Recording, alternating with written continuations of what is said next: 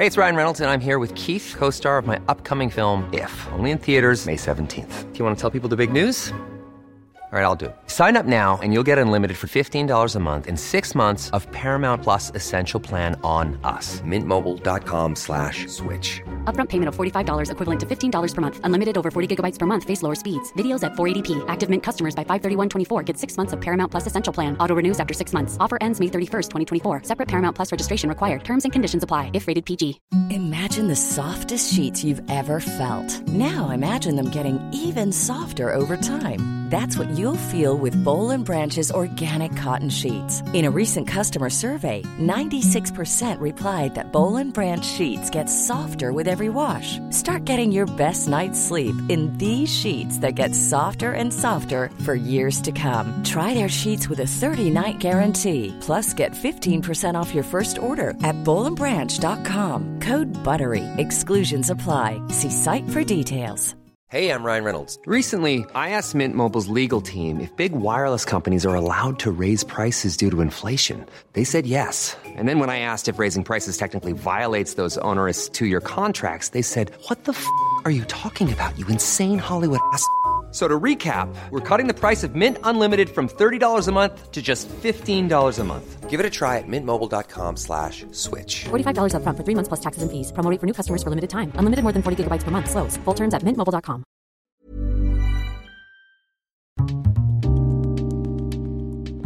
Det här programmet handlar om en noga utvald bok och ett samtal med dess författare.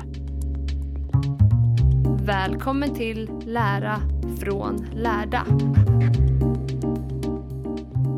Fredrik Hilleborg vid micken och den här veckan har jag läst en bok som jag håller i min hand och den heter Det underskattade sinnet om människans okända förmåga att uppfatta dofter. Välkommen Jonas Olofsson. Hej hej. Jag brukar alltid börja med att gästen får presentera sig. Så vi börjar där. Ja, jag är professor i psykologi vid Stockholms universitet. Och jag forskar om ja, luktsinnet och dess relation till våra känslor och minnen bland annat.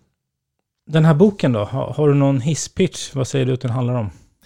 Ja, men den handlar om luktsinnet i en ganska bred bemärkelse. Och utgångspunkten är att vi eh, brukar anse att luktsinnet inte alls är viktigt för oss. Och det är en historia som går ganska långt bak i tiden. Eh, varför vi, eh, varför vi underskattar luktsinnets betydelse.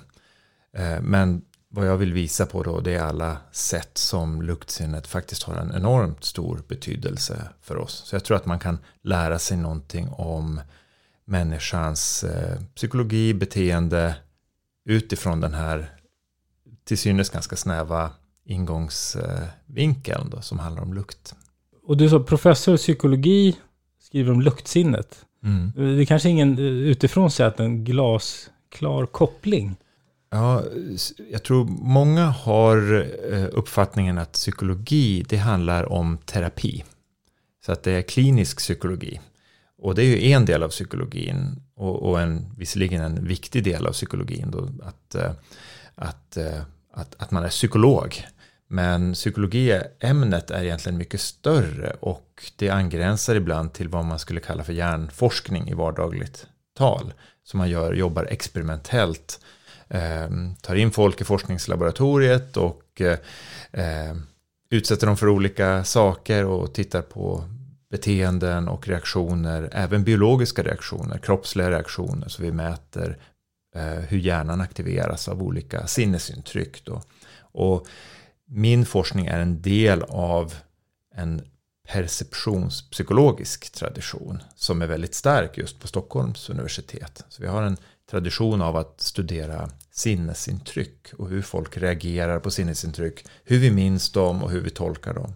Mm. Och, och, och inom den nischen så är luktsinnet då en ytterligare nisch. Så, så det är ett sinnessystem och man kan tycka att det är liksom en väldigt smal nisch. Men vi vet relativt lite om luktsinnet jämfört med synen och hörseln som har studerats i mycket större utsträckning. Så vad jag och min forskargrupp vill göra det är lite grann att jämföra hur de olika sinnessystemen fungerar och, på det sättet så kan man lära sig någonting mer generellt om hur våra hjärnor fungerar och hur vår psykologi fungerar. Så vi använder inte bara lukter i vår forskning utan även andra sinnesintryck. Men det här med underskattad, vad mm. lägger du i det? Ja, men om, om man frågar folk vilket sinne som de helst skulle förlora om de var tvungna att förlora något, så svarar de flesta luktsinnet. Eh, åtminstone var det så före covid-pandemin. Och det, det, finns även undersökningar som, som pekar på att eh, eh, unga människor skulle hellre behålla sin mobiltelefon än sitt luktsinne. Ja, det finns en ringaktning skulle man kunna säga av, av vad luktsinnet är, hur det fungerar och vad det betyder för oss. Mm. Det finns många missförstånd eller myter mm. Mm. som jag också verkligen eh, tänkte på när jag läste dem om det. Men eh, eh, jag vet inte vilken ände vi ska börja. Jag, jag tänker på... Um, vad tycker du? Ska vi prata lite om först hur luktsinnet fungerar kanske? Mm. Gärna det. Luktsinnet är ju vår förmåga att uppfatta luftburna kemiska molekyler. Så i luften runt omkring oss så finns det en massa olika molekyler. Vissa av dem eh, reagerar på då särskilda nervceller som har, en, som har receptorer som uppfattar de här, eh, de här kemikalierna helt enkelt. Och de här luktreceptorerna de sitter innanför näsan. De sitter inte i näsan utan de sitter innanför näsan i näshålan. Så innanför näs, eh, eh, näsborrarna så finns det en, liksom en liten portal kan man säga, eller en grotta. Och i taket av den där grottan så finns det två små områden, en på varje sida av näsan som kallas för luktepitelet eller luktslemhinnan. Och där finns det då flera miljoner sådana här nervtrådar som går ut och de reagerar på, på luktämnena och mm. skickar en signal upp till hjärnan. Och det finns mycket som är ganska häftigt med det faktiskt. Bland annat så, så är det så att vår skallbas, alltså kraniet, har små, små hål just där luktsinnet eh, ligger. Så de här nervtrådarna går alltså genom skallbasen, genom de här små perforeringarna upp till eh, hjärnan då, och, och luktbulben som sitter där. Och därifrån så skickas signaler in till centrala delar av hjärnan och då händer en massa spännande grejer. Mm. Och det, det, här med att man, eh, när man kommer hem, när du kom hem till mig idag, mm. så, så kan du känna, en, man, man, kan känna en ny doft när man mm. kommer hem till någon. Mm. Och sen så slutar man tänka på det ganska mm. direkt. Precis. Det är en, en, en väldigt bra observation och eh, det, det, säger någonting om hur luktsinnet eh, fungerar och vad, vilken roll luktsinnet har. För luktsinnet är väldigt bra på att upptäcka nyheter, skillnader, förändringar. Så att om vi går ifrån en luktmiljö till en annan, till exempel när vi kliver in i någons lägenhet, då, då finns det alltså en annan doft i, i det utrymmet och det plockar luktsinnet upp och eh, det reagerar vi på. Men sen så vänjer vi oss väldigt snabbt. Det här mm. kallas för habituering. Vi vänjer oss både genom att de här luktreceptorerna blir avtrubbade, så de slutar signalera, för de blir liksom uttröttade kan man säga. Men sen är det också en en, en typ av psykologisk effekt. Att vi inte uppmärksammar lukter som finns runt omkring oss. Och poängen med det, det är ju att en ny lukt är ju potentiellt farlig eller så kan det vara potentiellt gynnsamt för oss. Det kan vara mat till exempel. Vi upptäcker en, en doft av något eh, kaloririk mat i, på en restaurang runt hörnet till exempel. Mm. Eller så kan det vara en gasläcka eller en brand till exempel. Så det, det har överlevnadsvärde att upptäcka nya saker. Just när det gäller lukter. Så mm. de lukterna som vi, som vi redan går omkring ibland. De är så att säga inte lika intressanta. Så, så, så luktsinnet är liksom utformat på ett smart sätt i den, i den bemärkelsen. Just det, det att få oss att uppmärksamma nya, så att man liksom, vad är det här? Precis. Och sen försvinner det. Ja, och det är ju skillnad från synen till exempel. Vi, vi slutar ju liksom inte att se en bokhyllan framför oss bara för att vi har, har sett den. Så att säga. Nej, nej. Eh, Däremot så kan vi ju sluta att tänka på saker som vi har runt omkring oss med andra sinnen också. Så det, det, är, inte, det är inte något som bara finns i luktsinnet. Men luktsinnet är väldigt, den här egenskapen är särskilt framträdande just för luktsinnet. Så det säger någonting om, om överlevnadsvärdet i de här kemiska förändringarna. Mm.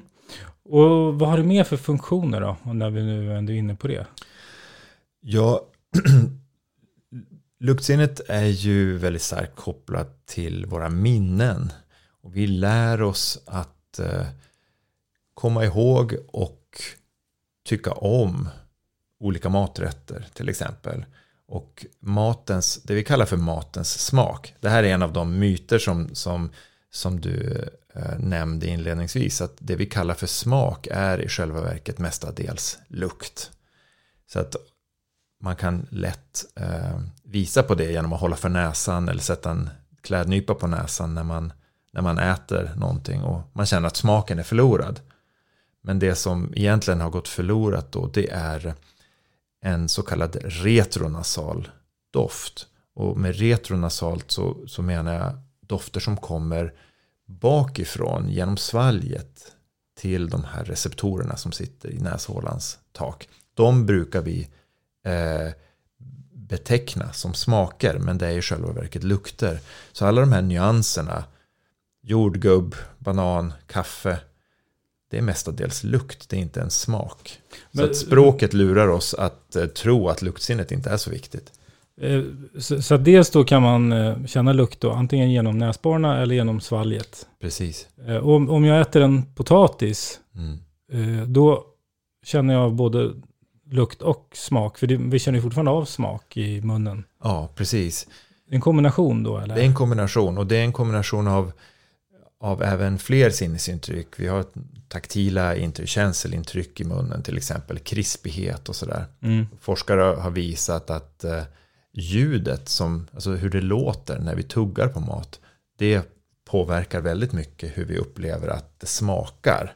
Så att om vi har eh, en väldigt uppmärksammad studie då när man lät folk äta chips och så Mm. hade man en, en typ av ljudförstärkning med hörlurar så att det lät liksom, antingen så kunde man få chipsen att låta mer i munnen eller låta mindre. Det påver- påverkade väldigt mycket hur, hur gott, goda man tyckte att chipsen var. Så att man vill ha det här krispiga. Det indikerar fräschhet och eh, det i sin tur då signalerar god smak och doft. Mm. Så att när vi äter så är det en oerhört mångfaldig sensorisk, eh, sensoriska intryck. Mm. En mångfald av sensoriska intryck. Och, Om vi- Jag, jag minns att du skriver när vi är på restaurang om någon frågar som var det gott. Så säger jag, ja, jo, men det var, det var gott. Men, men det är också en, ett helhetsintrycket som gör att det, vi gillade det. Precis, och, och Alltså Just- det kan vara personal, belysning, inredning, maten. Alltså allt. Ja, allt som, Så det, har varit ganska, det visar sig ganska lätt att liksom manipulera hur bra folk tycker att någonting smakar och luktar. Eh, genom att det kan vara så här att man har lite mer, lite tyngre bestick till exempel. Eller en färggrad eh, tallrik eller något sånt där. Så, så, så kan man i vissa fall få folk att tro att, att eh, maten är liksom godare. mm. Så att det finns, det finns sådana här många exempel på hur lukt och smaksinnet influeras av andra sinnen runt omkring.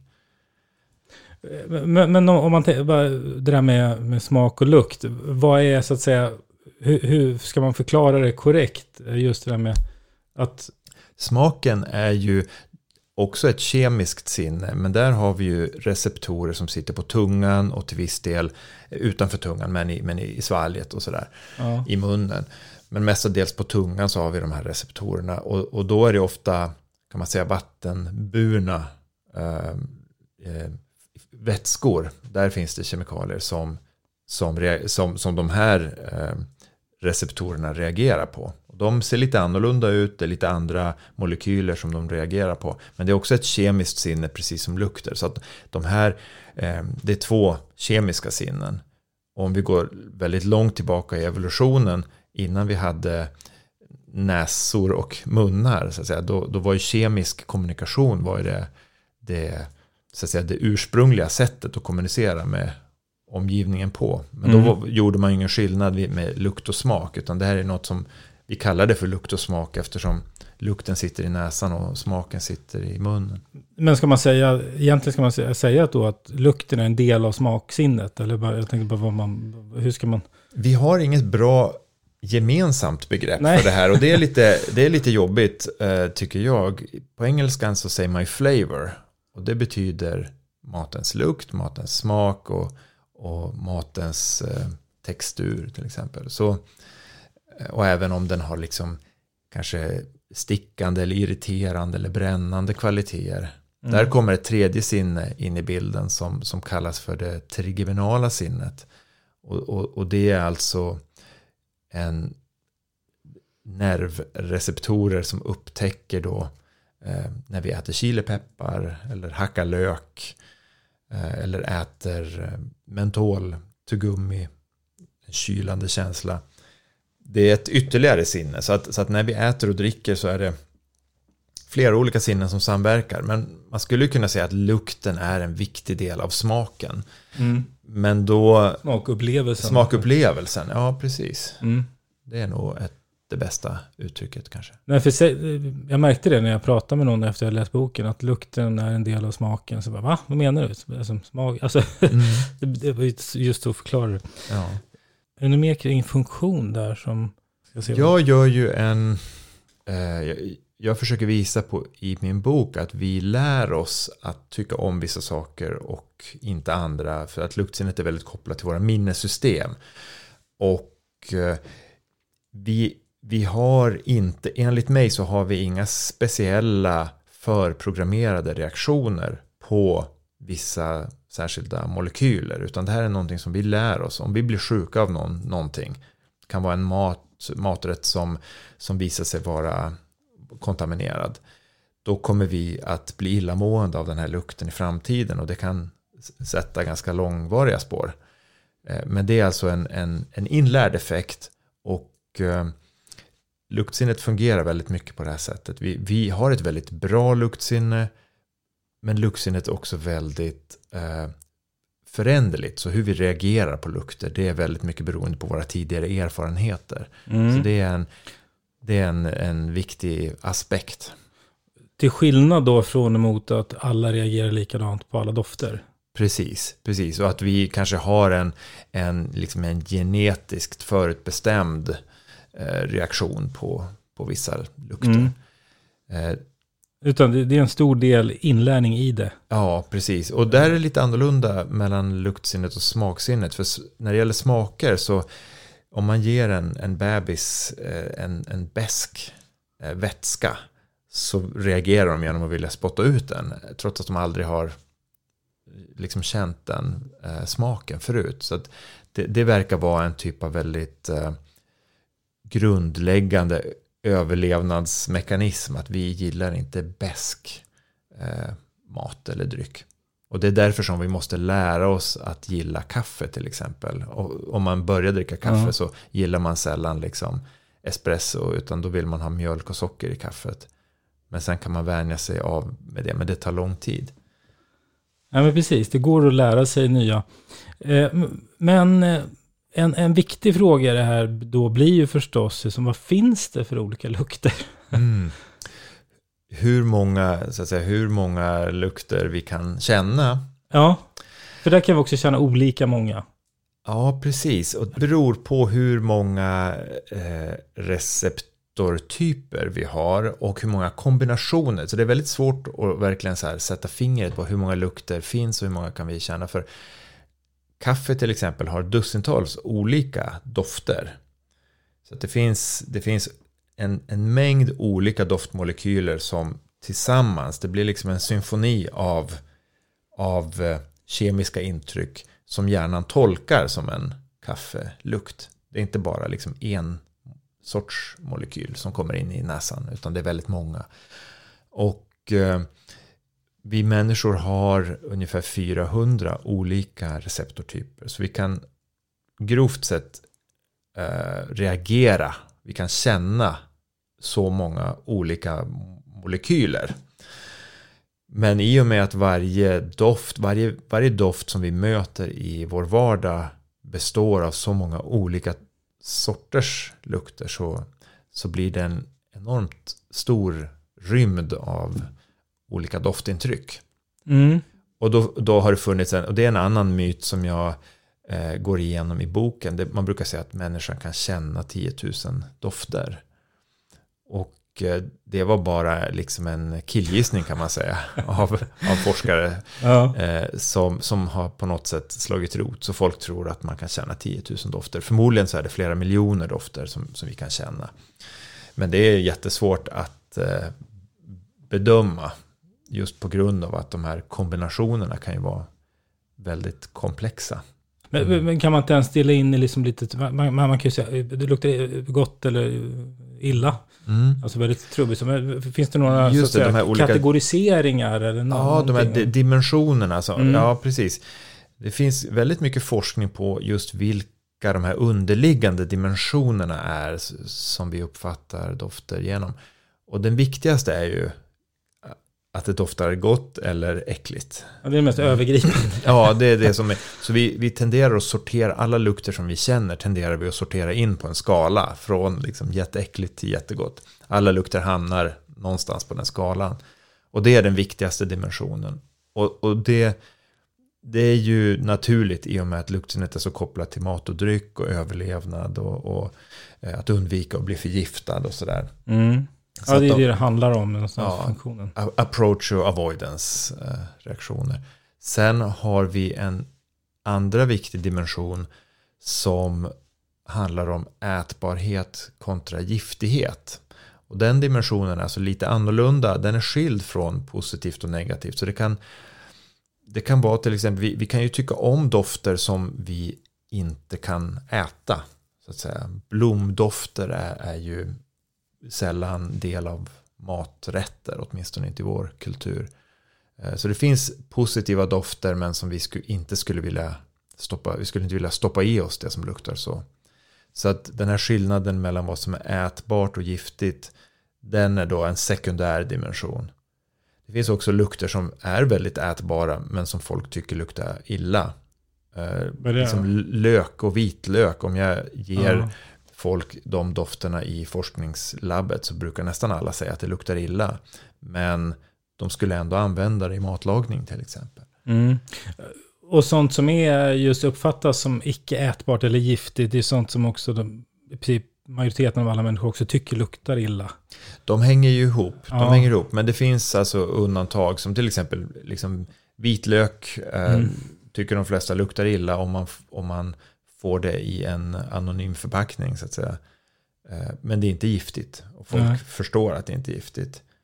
Och sen finns det liksom en parfymdoft som folk tycker luktar gott men det är absolut inte ätbart. Nej. Så att det finns, eh, de här två dimensionerna är, det är de, de viktigaste och de är skilda från varandra. Men sen finns det en debatt om hur många sådana här dimensioner finns det egentligen.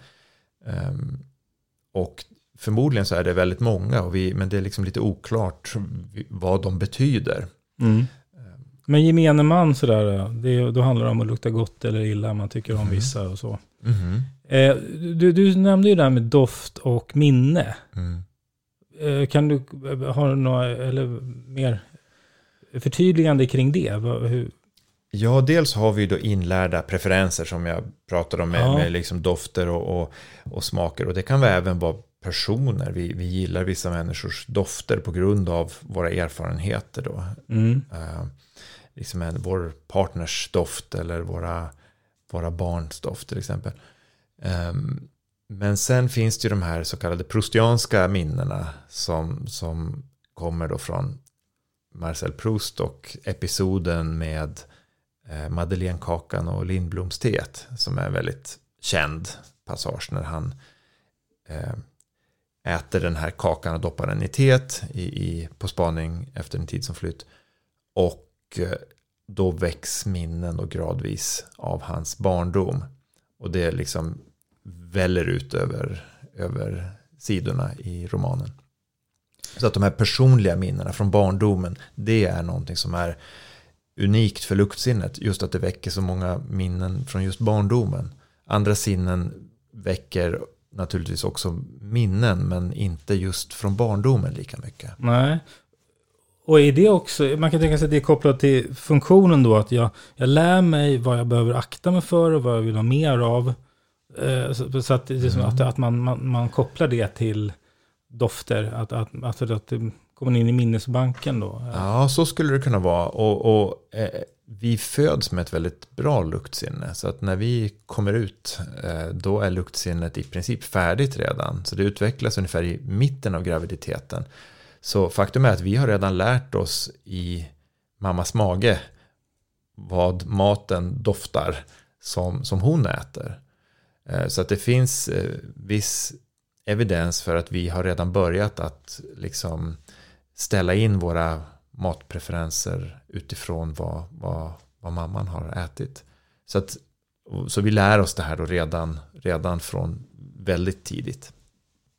Eh, en väldigt intressant eh, sak, det är ju det här att eh, dofter inte har något namn.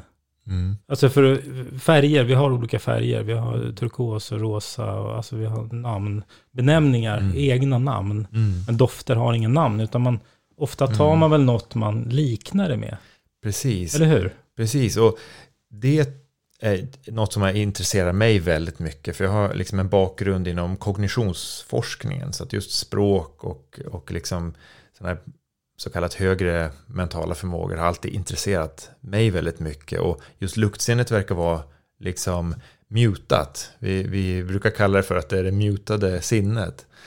Så att vi har svårt att beskriva vad det är vi luktar på. Och frågan är varför. Och det här har lett till faktiskt ganska mycket debatt mellan mig och andra forskare. Så vi har liksom olika teorier om varför det är så.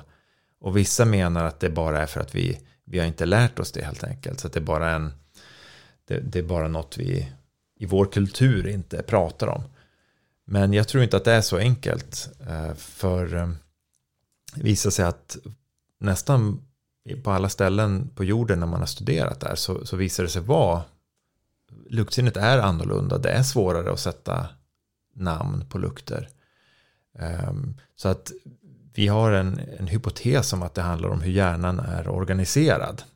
Så att hjärnan är luktsinnets eh, kopplingar till språksystem eh, är annorlunda än hur det visuella systemet är uppbyggt och att, och att det gör att, att vi inte har en lika effektiv koppling mellan våra, våra språkhjärna och vår, vår dofthjärna. Life is full of what ifs. Some awesome, like what if AI could fold your laundry? And some, well, less awesome, like what if you have unexpected medical costs? United Healthcare can help get you covered with Health Protector Guard fixed indemnity insurance plans. They supplement your primary plan to help you manage out of pocket costs. No deductibles, no enrollment periods, and especially no more what ifs. Visit uh1.com to find the Health Protector Guard plan for you. Hey, it's Ryan Reynolds, and I'm here with Keith, co star of my upcoming film, If, only in theaters, May 17th. Do you want to tell people the big news? All right, I'll do it. Sign up now and you'll get unlimited for $15 a month and six months of Paramount Plus Essential Plan on us. Mintmobile.com slash switch. Upfront payment of $45 equivalent to $15 per month. Unlimited over 40 gigabytes per month. Face lower speeds. Videos at 480p. Active Mint customers by 531.24 get six months of Paramount Plus Essential Plan. Auto renews after six months. Offer ends May 31st, 2024. Separate Paramount Plus registration required. Terms and conditions apply if rated PG. Many of us have those stubborn pounds that seem impossible to lose, no matter how good we eat or how hard we work out. My solution is PlushCare. PlushCare is a leading telehealth provider with doctors who are there for you day and night to partner with you in your weight loss journey. They can prescribe FDA-approved weight loss medications like Wagovi and Zepbound for those who qualify. Plus, they accept most insurance plans. To get started, visit plushcare.com slash weight loss. That's plushcare.com slash weight loss. Men jag menar, det skulle väl gå om någon satt, alltså rent teoretiskt. Den, alltså det är kommer, möjligt att lära sig. Ja, men Mm, om vi mm. kommer överens. Det, det kluriga är ju då, Mm, för du sa att kaffe, hur många olika dofter kan... Man kan ju Just säga att det. doftar Mm. kaffe. Mm. Men det, kan ju, det finns ju inte bara en, ett Kaffe sätt då. att det luktar på. Nej, precis.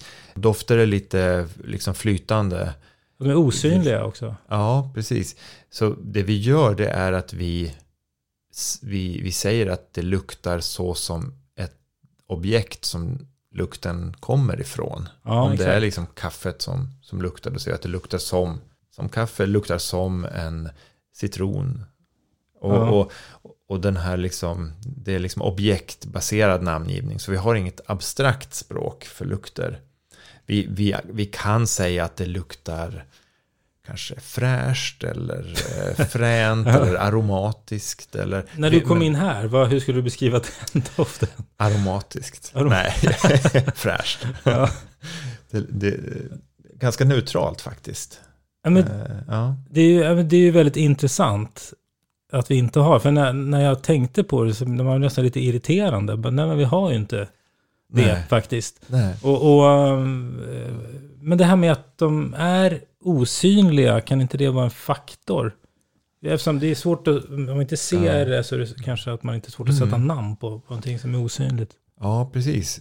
Så, så kan det vara. Och när vi, vi, vi gjorde en studie när vi gav, det var i samarbete med amerikanska forskare, då gav vi personer dofter genom att sniffa genom näsan och sen fick de det genom svalget. Så de fick den här, eh, det så kallade ortonasala lukten då, att man sniffar, och sen den retronasala lukten genom svalget. Mm. Och så bad vi dem att beskriva lukterna.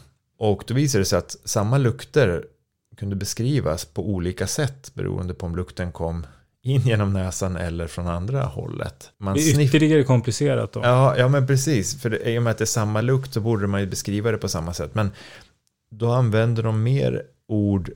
När man sniffar då använder man mer, mer visuella. Så man, man kunde till exempel höra att de, de beskrev en lukt som att den är färggrann.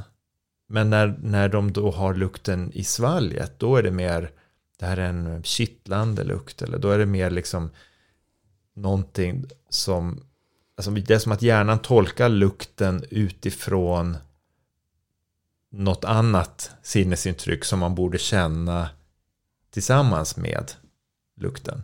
Mm. Och att det då skiljer sig mellan om lukten kommer från svalget eller utifrån kroppen.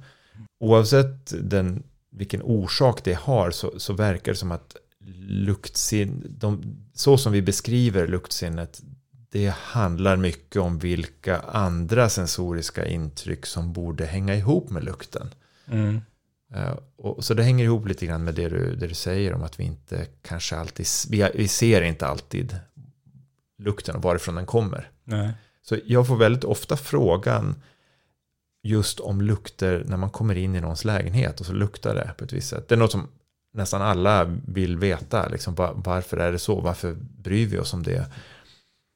Kanske är det så att när vi kommer in till en ny lägenhet som, som jag när jag kom in hos dig så vet vi inte vad det är som luktar. För att det, det är en blandning av möbler och vad du har ätit för mat och vad som finns i skafferiet och, Ja. och, och kanske målarfärgen på möblerna och allt möjligt som, som, som spelar in. Men, men det, det är svårt att urskilja exakt vad det är, men man får liksom en känsla. Och den är väldigt intagande. Så, så, så vi vill kunna koppla det till ett fysiskt objekt. Men när vi inte kan det, då blir det så här, vad, vad är det här för, Ja. vad är det här för lukt egentligen? Och återigen, det är kopplat till, till känslor. Eh, Ja, precis. Och vi vill veta vad det är eh, för att det är, lukter kan vara skadliga. Det kan Ja. göra oss sjuka. Ja, om du kommer in och så luktar oss. det bränt eller brinner. Mm. Att du känner då att det är en fara då till exempel. Precis, så, så, så vi har liksom ett behov av att vilja identifiera källan till, till lukterna. Och det är återigen, det är det här överlevnadsvärdet som... Ja. Eh, Och sen också ytterligare är ju att vi kan uppleva lukter olika. Man har olika bra eh, luktsinne. Mm. Stora skillnader mellan personer. Ja. Så att, eh, och vi har inget sätt att korrigera för det. Så har vi dålig syn så kan vi skaffa linser eller glasögon eller göra en operation. Men inget av det här går ju att göra med näsan än så länge. Nej. Så det vore en eh, otroligt stor eh, innovation om någon kunde hitta ett sätt att liksom korrigera för luktproblem på samma sätt som man gör med synproblem eller, eller hörselproblem. Men hur mäter man då? Kan man ta reda på, kan jag ta reda på om jag har bra eller dåligt luktsinne? Mm. absolut.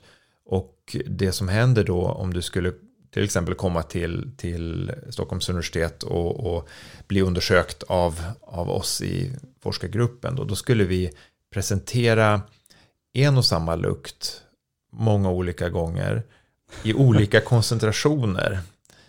Och vi gör det då i ett så kallat triangeltest. Så att det, du får tre lukter per försöksomgång. Men det är bara en av lukterna som, som, som är reell. Ja, det gäller att sätta den. De, och de andra är tomma. Ja. Och, så att det finns en svag lukt och två som, som inte innehåller någon lukt. Och du ska känna vilken är den som är, vilken är annorlunda. Och, och så justerar man. Och så justerar man den här koncentrationen. Som ett syntest, den blir mindre och mindre bokstäver. Precis, precis. Eh, så, och sen kan man gå upp och ner i koncentration tills man hittar den här tröskeln där du börjar kunna känna mer än 50% av gångerna så får du rätt. Um, och då har vi, då har vi efter, efter mycket om och men så har vi satt en tröskel på dig. Mm. Men det som är grejen med de här trösklarna är att vissa personer, det är inte, det är inte alla, alla personer har, som, har, som har bra, liksom en, en låg tröskel som är känsliga för ett visst ämne. Det behöver inte alltid betyda att de är känsliga för alla ämnen. Så det, det, är också det. Så det, det, är otroligt svårt att liksom säkerställa ett objektivt mått på hur känsligt luktsinne man har. Särskilt efter covid. För mm. många har ju vittnat om att jag kan känna kaffelukten men luktar inte riktigt som tidigare. Vissa nyanser finns inte där längre. Så man har, man har liksom förlorat delar av luktförmågan men inte hela luktförmågan. Så, så luktsinnet kan slås ut på på lite mystiska partiella sätt.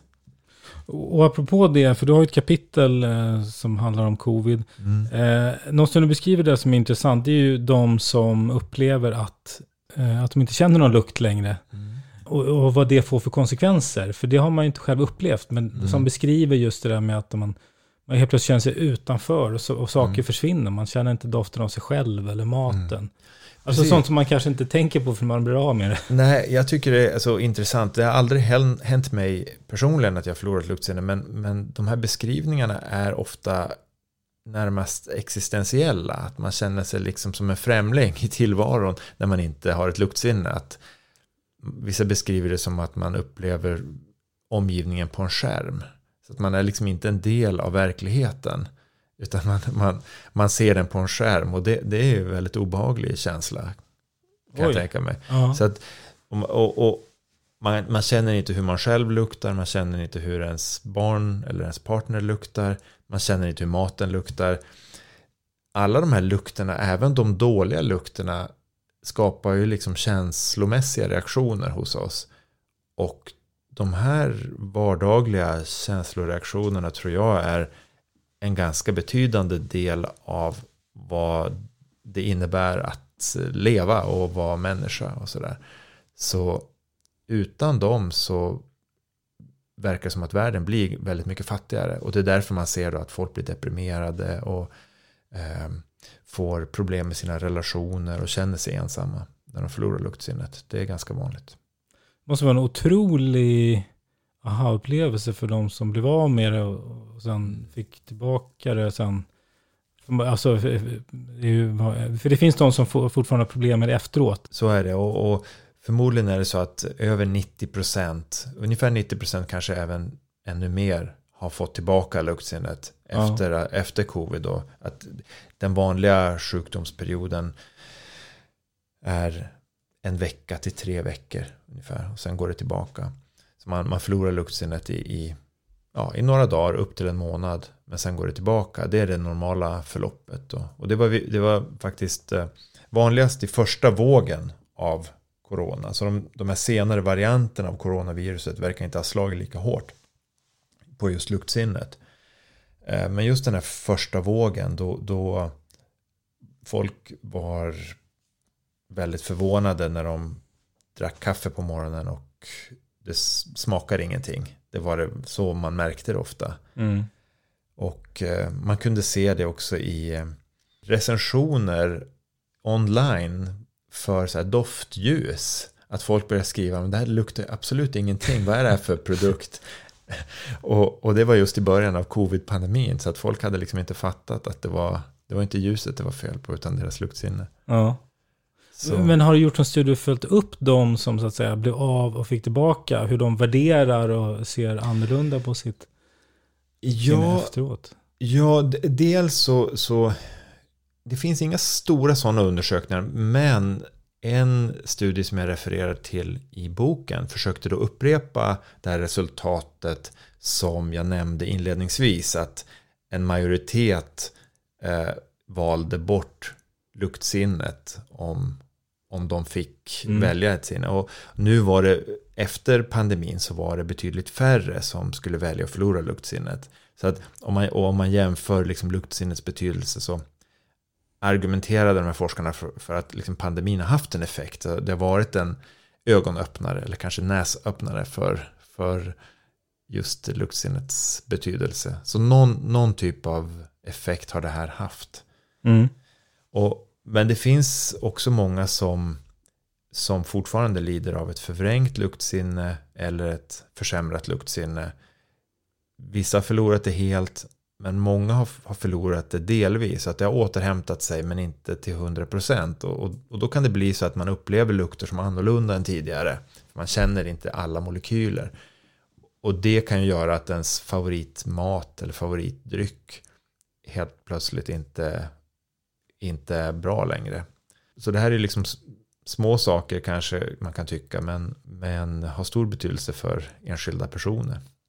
Hur bra luktsinne har vi jämförelsevis med djur?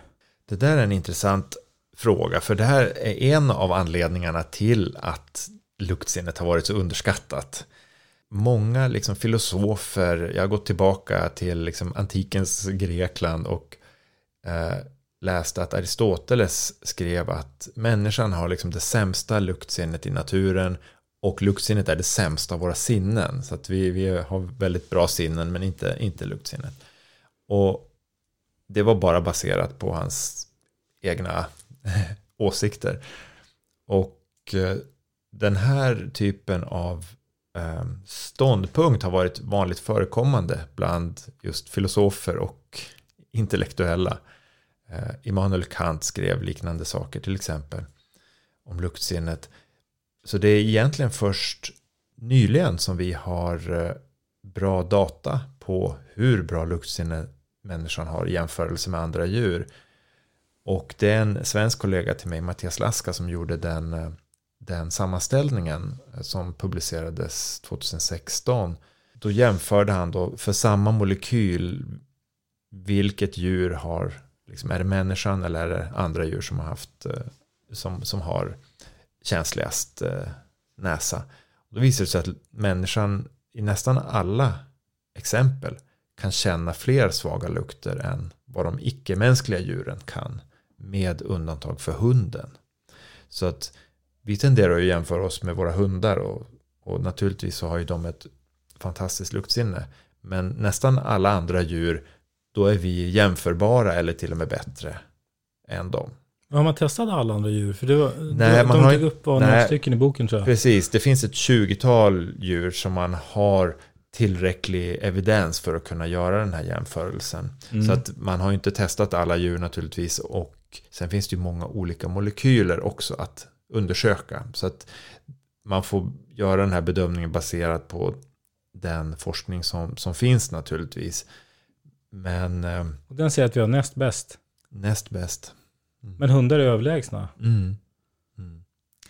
Vargar då? Eller det kanske ingår i eh, Vargen släkt. fanns inte med i den här genomgången. Så att det är ju Jag tänker hunddjur. troligt, ja, det är troligt att, att andra hunddjur har, också har bättre luktsinne än, än människan. Ja.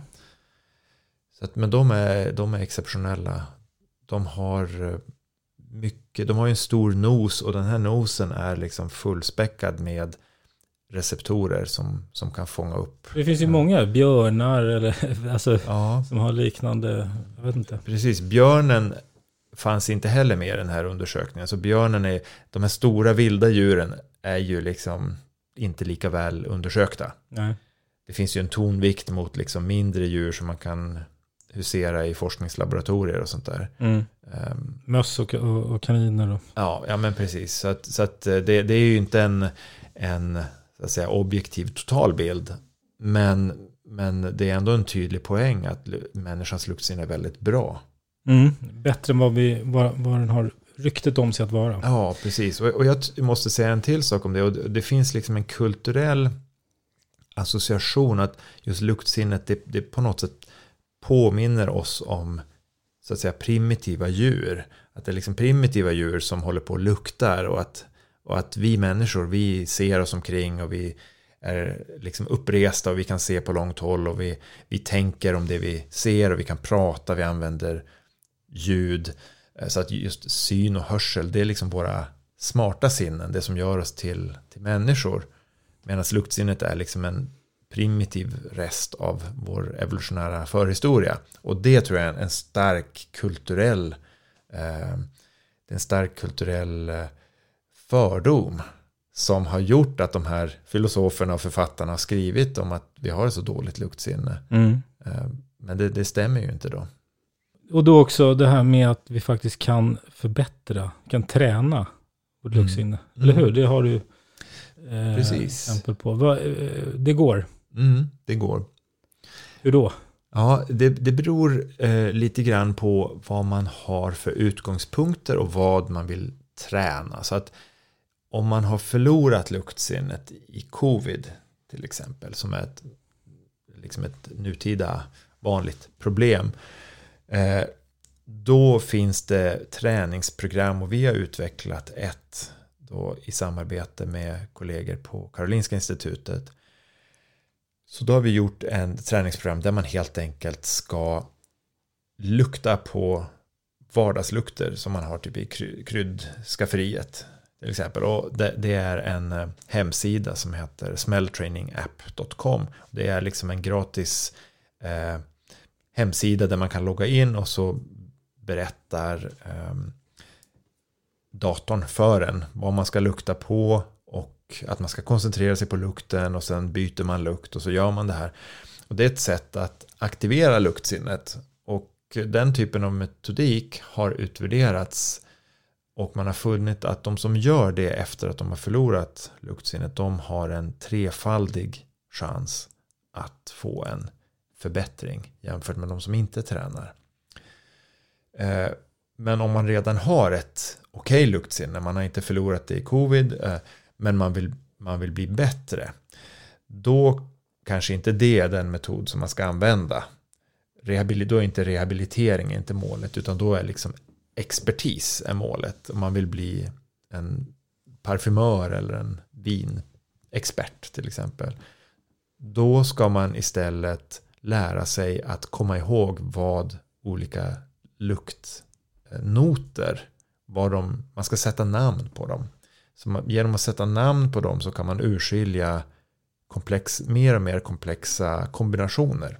Och det är det som skiljer en luktexpert från gemene man.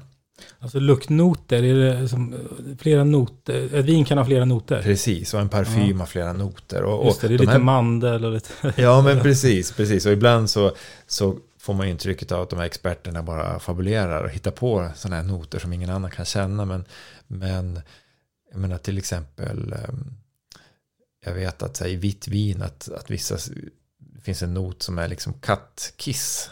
Det är liksom en not som, som är som, som ska finnas i vissa viner och att det är någonting som förhöjer doften. Men noten är liksom kattkiss. Mm, mm. Ehm, och, och vinprovare är väldigt duktiga på det här. Så att det är inte, det är inte, det är inte en det är inte påhitt.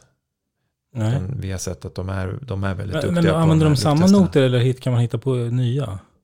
Det finns, alltså det beror lite grann på, det finns system för att lära sig det här. Så det finns liksom, men, men eh, vinskribenter, de brukar ofta liksom göra sig ett namn av att hitta väldigt exotiska beskrivningar av lukterna. Och då kan det vara liksom associationer som de har som är väldigt, eh, ja, men som kan vara väldigt aparta, men det är roligt att läsa. Så att liksom vinrecensioner, det är ju en, nästan en litterär genre.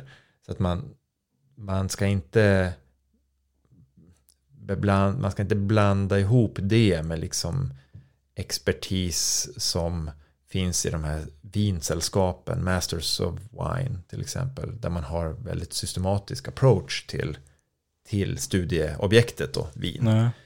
Så att, men, men just vinprovning har fått lite dåligt rykte på grund av att det, det, det är ju en, en genre då, som, där folk tar ut svängarna ganska mycket. Tiden rinner iväg. Vi har ju pratat lite om mycket. Det, boken innehåller väldigt mycket. Är det någon mm. pusselbit som vi inte har pratat om som du vill nämna? En aspekt som, som jag tycker är väldigt rolig med den forskning som vi gör det är ju hur man kan använda lukter på nya sätt. Så vi har haft ett forskningsprojekt som handlar om att skapa luktbaserade tv-spel. Så då har vi gjort en eh, ett typ av ett vinprovningsspel för virtual reality. Så man har VR-glasögon på sig och så har vi byggt en ny typ av luktmaskin som man kan hålla i handen. Och den här luktmaskinen eh, den kan leverera olika noter i kombinationer. Så det, och det kan man variera då. Så då kan man göra en, vi har skapat en, en virtuell vinkällare. Och eh, där ska man känna igen olika vinnoter i vin. Så man, så man plockar upp ett vin i ett virtuellt vinglas och luktar på det. Och så ska man identifiera de olika doftnoterna. Och folk kan då bli bättre och bättre på att göra det. Så det, det är bara ett exempel på hur vi skulle kunna använda luktsinnet i helt nya sammanhang som vi inte har tänkt på. Och det finns andra, jag, jag tar upp ganska många sådana exempel i boken på kanske om, om 20-30 år så kanske vi så kanske det är helt normalt att gå och köpa lukt-tv-spel eller andra användningsområden som vi inte eh, som, som vi inte ens vet om existerar idag. Så jag tror att eh, luktsinnet har en potential för att berika våra liv på sätt som vi, sätt som vi inte alltid inser. Sista frågan då. Förutom att läsa boken, vad har du för rekommendation till den som lyssnar? att vara medveten om de lukter som, som finns i din omgivning. Både de goda lukterna och de äckliga lukterna. Och vara nyfiken på lukter. Um, det är något som gör livet uh, rikare. Mm. Om man lyssnar på det här och ställer någon fråga till dig, vad, vad hittar man dig lättast? Uh, jag finns på Twitter. Uh, jo Criolo är mitt min användare där. Eh, jag finns även då på min eh, på Stockholms universitet så det är jonas.olofsson psychology.su.se så man kan hitta mig på, på universitetets hemsida om man vill mejla. Tack för att du är med. Tack så mycket.